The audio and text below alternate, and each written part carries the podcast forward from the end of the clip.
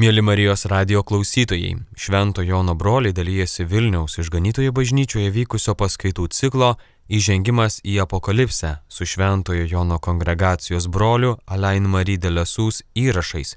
Kviečiame išgirsti šiandien pirmąją dalį. Džiaugiuosi jūs šį vakar susitikęs.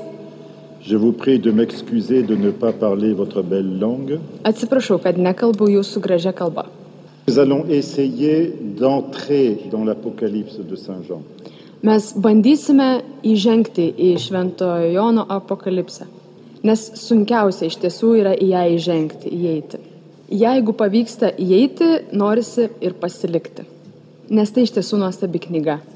Tačiau kartu visi ir sutarė, jog tai pati sudėtingiausia Naujojo testamento knyga. Daugybė krikščionių atsiverčia tą knygą perskaito keletą eilučių, nieko nesupranta ir užverčia. Mes tai galim priimti ir teigiamą prasme. Skaitydami kitas Naujojo testamento knygas ir dalis, mes galim manyti, kad didžiąją jų dalį suprantam. Bet taip nėra su apokalipse. Iš tiesų su šia knyga mes suvokiam ir konkrečiai patiriam, kad Dievo patyrimas mus pranoksta. Aš jau beveik 40 metų domiuosi prieškimu Jonui ir vis dar ne viską supratau. Bet Dievo žodis neišsemiamas. Šios gražius žodžius pasakė šventasis Grigalius didysis. Dievo žodis auga su savo skaitytoju. Kuo daugiau, kuo labiau jūs auksite tikėjimu ir meilė, tuo daugiau Dievo žodis turės jums pasiūlyti. Tai kaip minėjau, apokalipsės atveju prieškimo Jonui sunkiausia į, įeiti į šią knygą. Ir didžiausią sunkumą kelia literatūrinis šios knygos žanras. Biblijoje yra daugybė įvairiausių literatūrinių žanrų. Nuo 20-ojo amžiaus vidurio maždaug bažnyčia pradėjo labai pabrėžti, kad reikia kreipti didesnį dėmesį į literatūrinius Biblijos knygų žanrus. Negalima tuo pačiu būdu tokios poemos kaip gesmių gesmė interpretuoti tokiu pačiu būdu, kaip pavyzdžiui teisinio teksto teisėjų knygoje. Le genre est complètement différent žanras visiškai skirtingas. Gesmių gesmės atveju visi puikiai suvokia, kad tai yra poema. Pavyzdžiui, skaitom ketvirtąjį gesmių gesmės skyrių, jo pačią pradžią, kokia tu graži, mylimoji, kokia tu graži. Tavo akis yra tarsi balandžiai besislepiantis už šydo. Tavo plaukai tarsi oškų kaimenė besileidžianti nuo Galado kalnų. Tavo dantis kaip kaimenė nukirptų avių lipančių iš maudyklos. Akivaizdu, kad šio teksto nereikia suprasti pažodžiui. Būtų absurdiška. Visi puikiai supranta, kad tai poema, o poetai naudojasi įvaizdžiais. Bėda su apriškimu Jonui ta, kad daug žmonių nesupranta, kokio žanro tai knyga, nes tai ne poema. Pavyzdžiui, jeigu skaitome ketvirtas skyrius, šeštąją eilutę. Sosto viduryje ir aplinkui sostą buvo keturios būtybės, pilnos akių iš priekio ir iš užpakalio. Pirmoji būtybė buvo panaši į liūtą, antroji būtybė panaši į veršį, trečioji būtybė turinti tarytum žmogaus veidą, ketvirtoji būtybė panaši į skrendantį erelį. Turi akis iš priekio ir iš užpakalio. Kas čia per dalykas? Iš pradžio atrodo šiaip jau bjauru ir dar ne, mes nesuprantame, ką tai reiškia.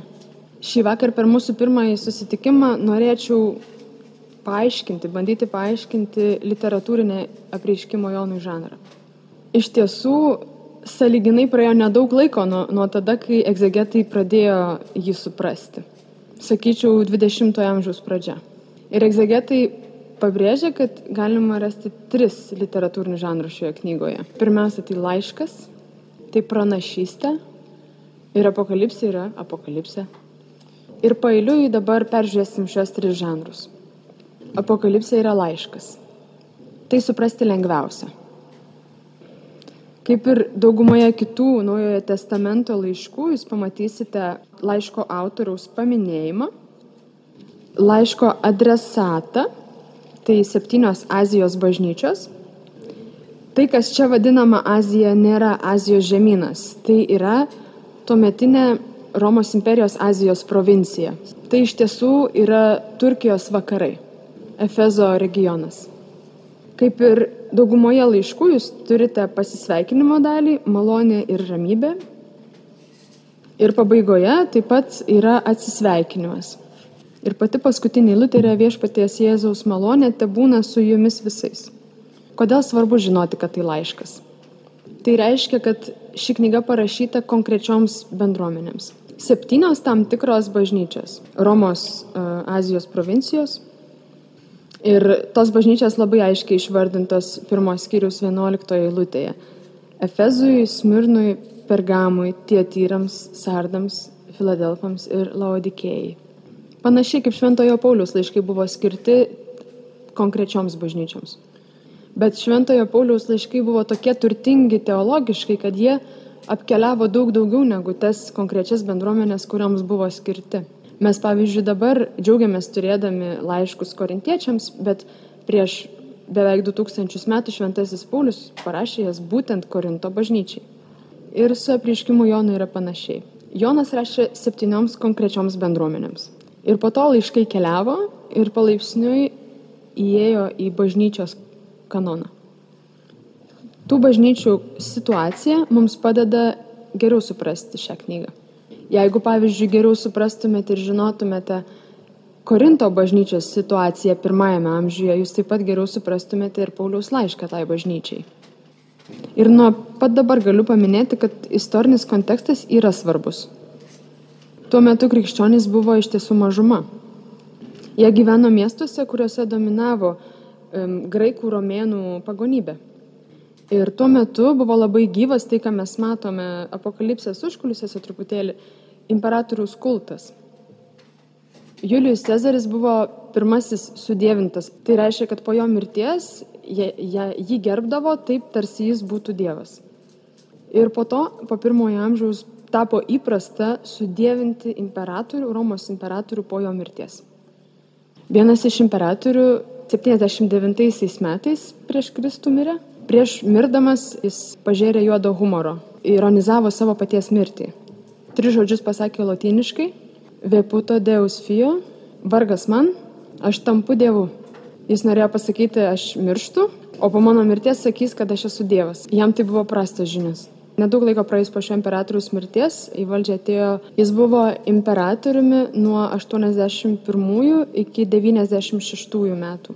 Ir pasak vieno bažnyčios tėvų, Švento Irenėjaus, ši knyga buvo parašyta apriškimas Jonui šio imperatoriaus valdymo pabaigoje. Iš tiesų ši indikacija laiko yra labai brangi. Vadinasi, apokalipsė gimė pirmojo krikščioniško amžiaus pabaigoje. Šiam imperatoriui nepatiko mintis, kad jis bus sudėvintas po mirties. Taigi jisai pareikalavo būti vadinamu mūsų viešpats ir mūsų dievas. Krikščionims tai buvo nepriimtina. Ir kadangi imperatoriaus garbi būdavo neatstatomos šventovės, ir kadangi tuo metu nebuvo religijos ir valstybės atskirimo, kiekvienas doras pilietis turėjo šiuose ceremonijose dalyvauti. Ką turėjo daryti krikščionis? Kaip matote, istorinis kontekstas krikščionims buvo sudėtingas. Žydams buvo pavykę gauti atleidimą nuo šios pareigos ir sutiko valdžia, kad jie to nedarytų. O krikščionis? Nes iš pradžių romėnų valdžia nelabai skyrė žydai, krikščionis tas pats.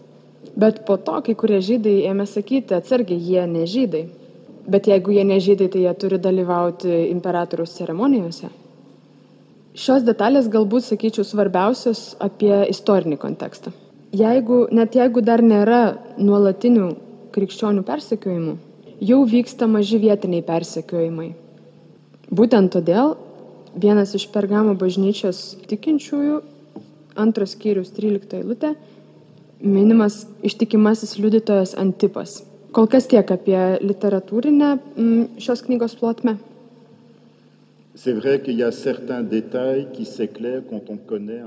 Tiesa, kad kai kurios detalės paaiškėja, kai geriau žinome kontekstą. Yra tokie Kristaus žodžiai knygoje, kurie labai aiškiai parodo, kad jis žino miesto istoriją. Pereikime prie antrojo žanro - pranašystės. Reikėtų atsargiai vartoti žodį pranašystė.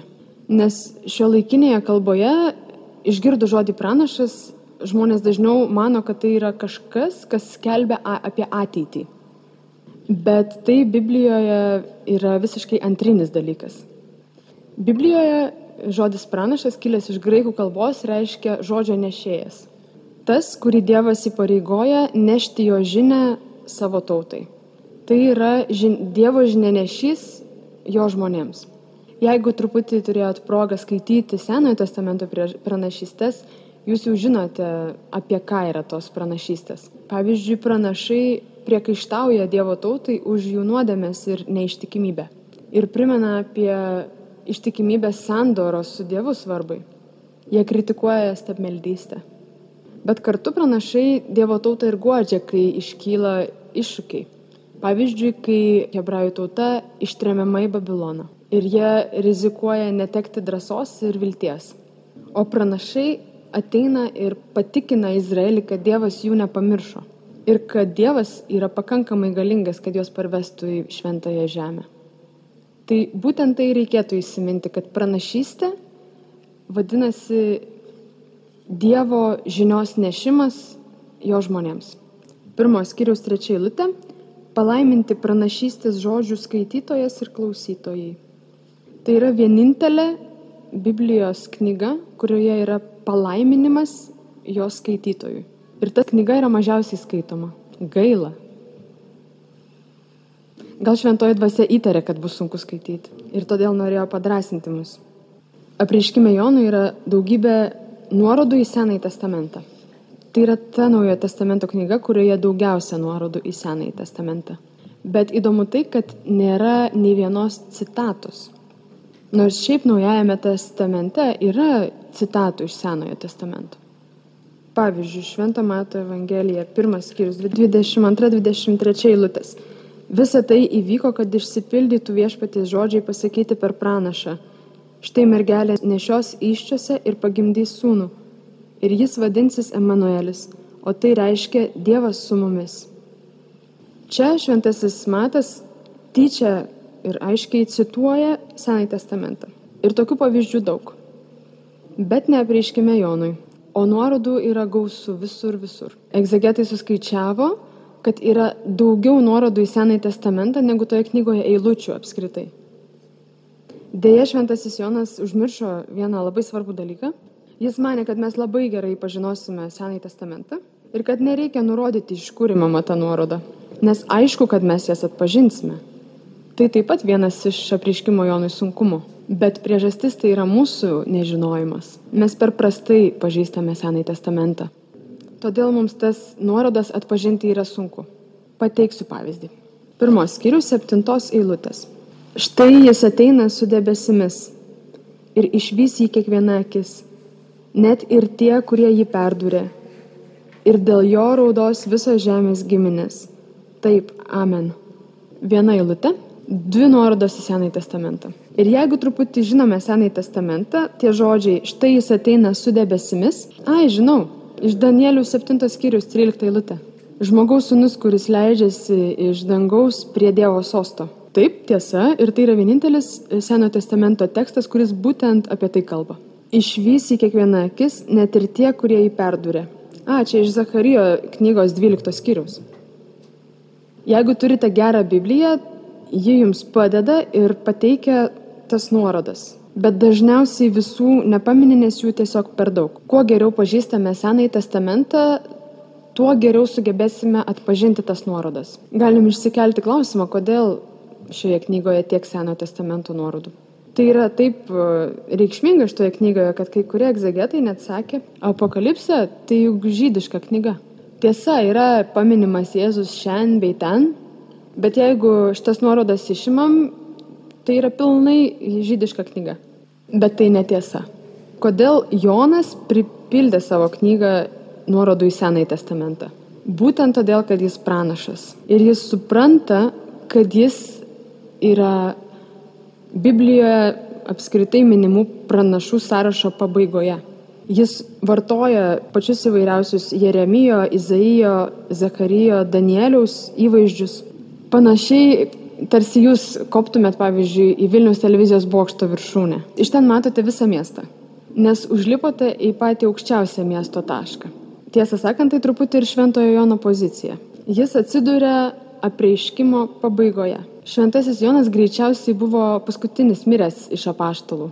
Ir jis žino, kad apreiškimas su juo baigs. Ir dėl to jis tarsi turi visos Biblijos peizažą priešai save. Ir jis taip pat nori parodyti, kad visos Senojo testamento pranašystės išsipildo Kristuje. Štai bent kelios priežastys, kurios paaiškina, kodėl tiek aluzijų ir nuorodų į Senąjį testamentą. Kristus yra galutinis visų pranašyščių išsipildymas. Tuo pat metu reikėtų vengti vienos klaidos. Nes kai kurie komentatoriai e, atlieka tą būtiną darbą nustatyti, kur yra aliuzijos į Senąjį testamentą. Paskui jie ateina skaityti teksto į Senąjį testamentą ir tą tekstą iš Senojo testamento taip ir perkelia į apreiškimą Jonui. Pamirždami, kad apreiškimas Jonui ne Senojo, bet Naujojo testamento knyga. Jeigu to neturime omenyje, galime padaryti didelių klaidų. Pateiksiu pavyzdį, mano mėgstama ištrauka, bet daug tikinčiųjų jį šokiruoja. 19 skyrius nuo 11 iki 21 eilutės. Tai yra e, vizija Kristaus e, kaip e, raitelio su kardu, kaip ant Lietuvos herbo, raitelis su kalaviju. Ir toje vizijoje Kristus išžudo visus savo priešus tuo kalaviju. Ir tada paukščiai atskrenda sulesti lavonų.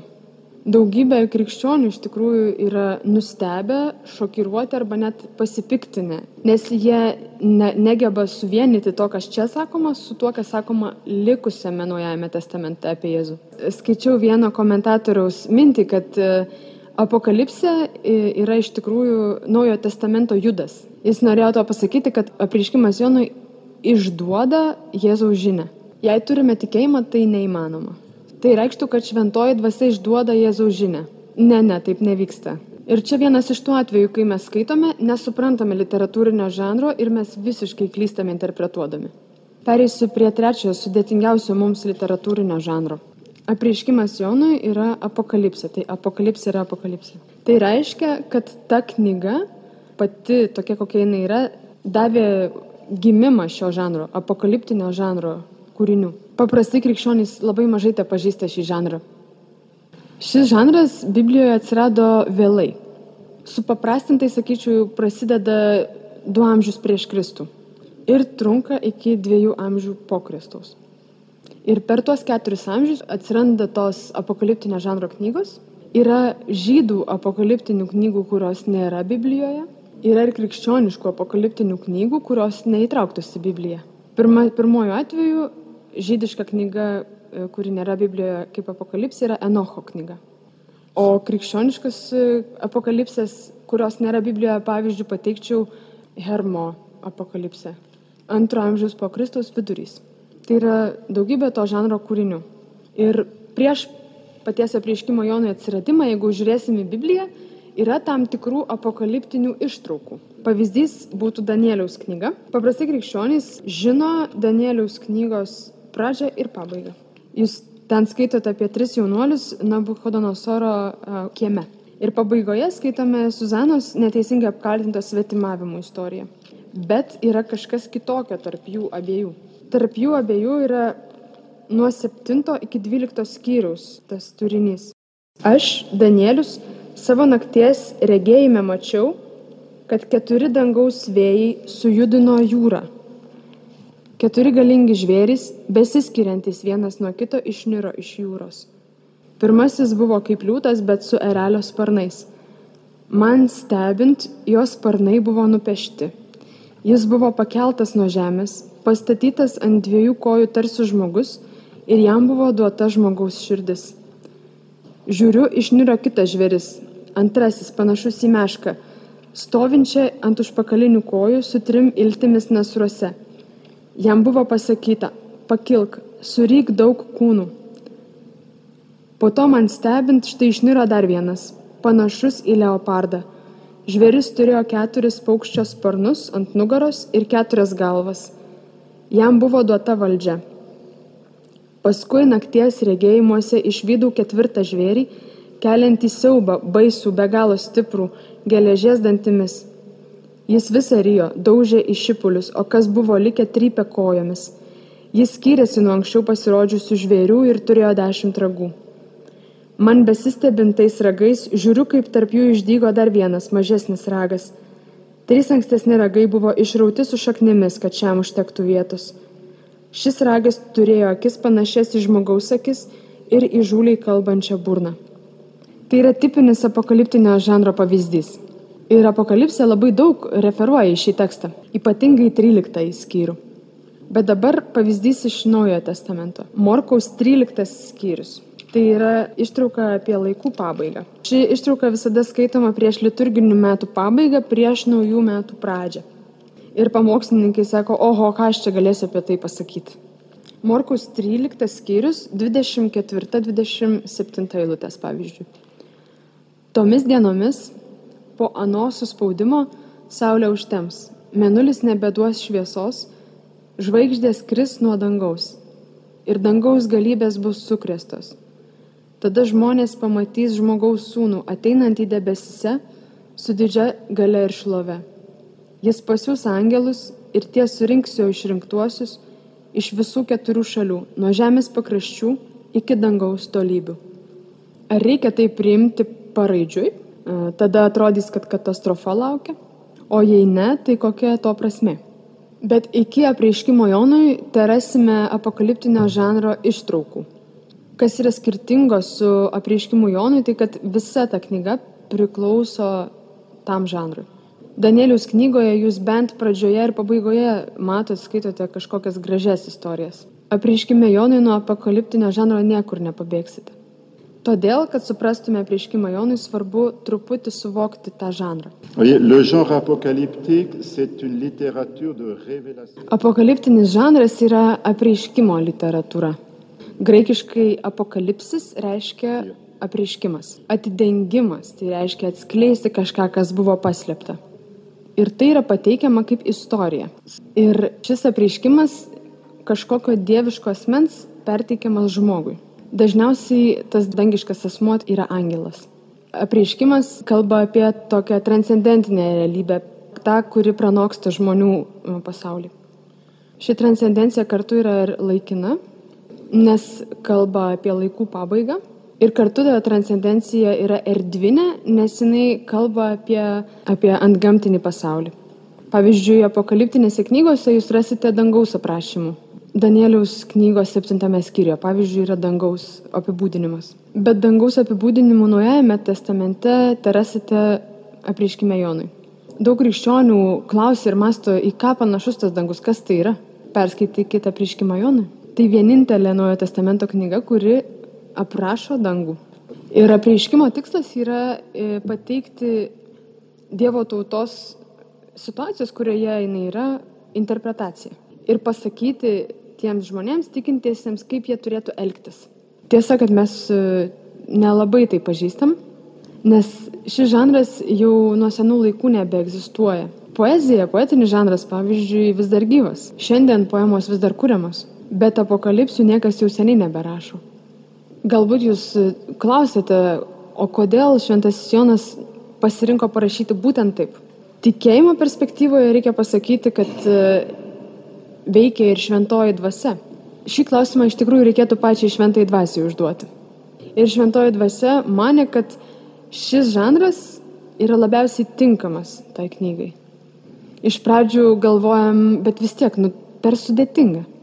Bet jei ištveriame, jei būnam ryštingi, po truputį suprantam, mm, iš tiesų. Nes šis apokaliptinis žanras leidžia tokias išaiškų formas, kurios neleidžia jokia kita knyga, joks kitas žanras. Vienas iš kalbos tipų, kuris artimas apokaliptiniam žanrui, yra simbolinė kalba. Reikia labai gerai suprasti tokį dalyką. Visas apreiškimas Jonui parašytas simbolinė kalba. Ir tai mes pamirštame jau pernelyg dažnai. Mes vakariečiai labai mėgstame logiką, protą, Ir sakoma, kad prancūzai labai turėjo, patyrė labai didelę Dekarto įtaką. Jis labai mėgo labai aiškias ir konkrečias idėjas. O apokalipsė yra visiškai priešingas variantas. Tai prancūzams yra ypatingai sudėtinga ją skaityti. Bet aziečiams, pavyzdžiui, kinams yra labai lengva. Yra Šventojo Jono brolių Taivane ir jie jau pamatė, kad kin, kinams daug lengviau. Kodėl? Dėl simbolių svarbos kinų kultūroje. Nes kinų kalba sudaryta iš hieroglifų, kurie nereiškia raidžių. Pačioje pradžioje, kai ta kalba kūrėsi, tie ženklai reiškia tam tikras situacijas. Aš prisimenu, man buvo labai įdomu pamatyti tą ženklą kinų kalbos, kuris reiškia malonė. Enčiong. Aš atradau, kad pačioje pradžioje, kai šitas ženklas buvo kuriamas, jis iš dviejų ženklų susidaro ir jie reiškia drakoną namo viduje. Drakonas namo viduje reiškia malonę. Kinų kultūroje tai yra teigiamas dalykas. Kažkoks padaras iš dangaus atkeliauja, apsigyvena pas jūs. Drakonai Biblijoje truputį kitas dalykas. Žinote, ta kinų kalba labai simbolinė. Todėl jie daug labiau prie simbolių įpratę. Kai kurie sako, kad tai yra užkoduota slapta kalba.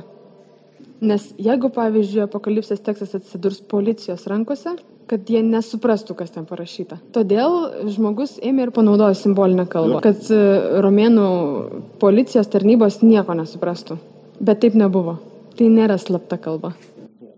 Simbolinė kalba iš tiesų yra tos, to apokaliptinio žanro dalis. Ir ji dažniausiai ir sukuria tas didžiausias kliūtis įeiti į tą e, apokaliptinį žanrą. Aišku, ne vien tik apokaliptinėme žanre naudojama ta simbolinė kalba, juk ir poetinė kalba simbolius naudoja. Bet mes poetinį žanrą gerai žinome. Nėra taip pat su apokaliptiniu žanru. Taigi pabandykime šią kalbą suprasti. Pirmiausia, pabandykime suvokti, kodėl apreiškime Jonui naudojama tokia kalba. Nes dažnai mums kyla pagunda sakyti, kodėlgi negalėjo paprasčiau parašyti. Jonas vartojo simbolinę kalbą ne tam, kad pabėgtų nuo romėnų policijos. Tai matome iš to, kad iš tiesų visose apokaliptinėse knygose naudojama simbolinė kalba. Galim atskirti ir kitą netinkamą paaiškinimą. Skaitydamas vieno anglų egzegeto darbą, mačiau tokias mintis.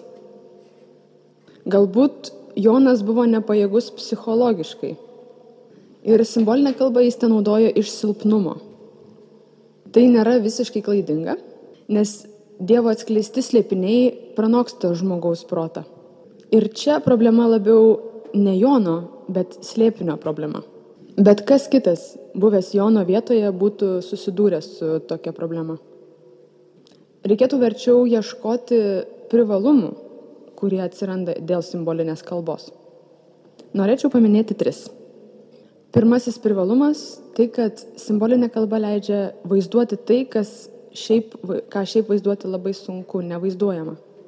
Paimsiu klasikinį pavyzdį. Dangaus aprašymas. Kaip atrodo dangus? Jeigu paprašytume teologo jums paaiškinti, kaip jis atrodo, jis tada vartotų tokį techninį terminą palaimintoji vizija. Ir jis galbūt jums irgi paaiškins, kad tada danguje žmogus galės regėti Dievą, netarpininkaujant konceptams, jokiems sampratoms. Mes tokios patirties neturime. Mes negalime mąstyti, nenaudodami savokų konceptų. Visą tai labai gerai, bet apie dangų nedaug pasako. Šiek tiek e, skurdi informacija. Simbolinė kalba leidžia atspindėti kažką apie dangų, daug įtaigesnių mums būdų.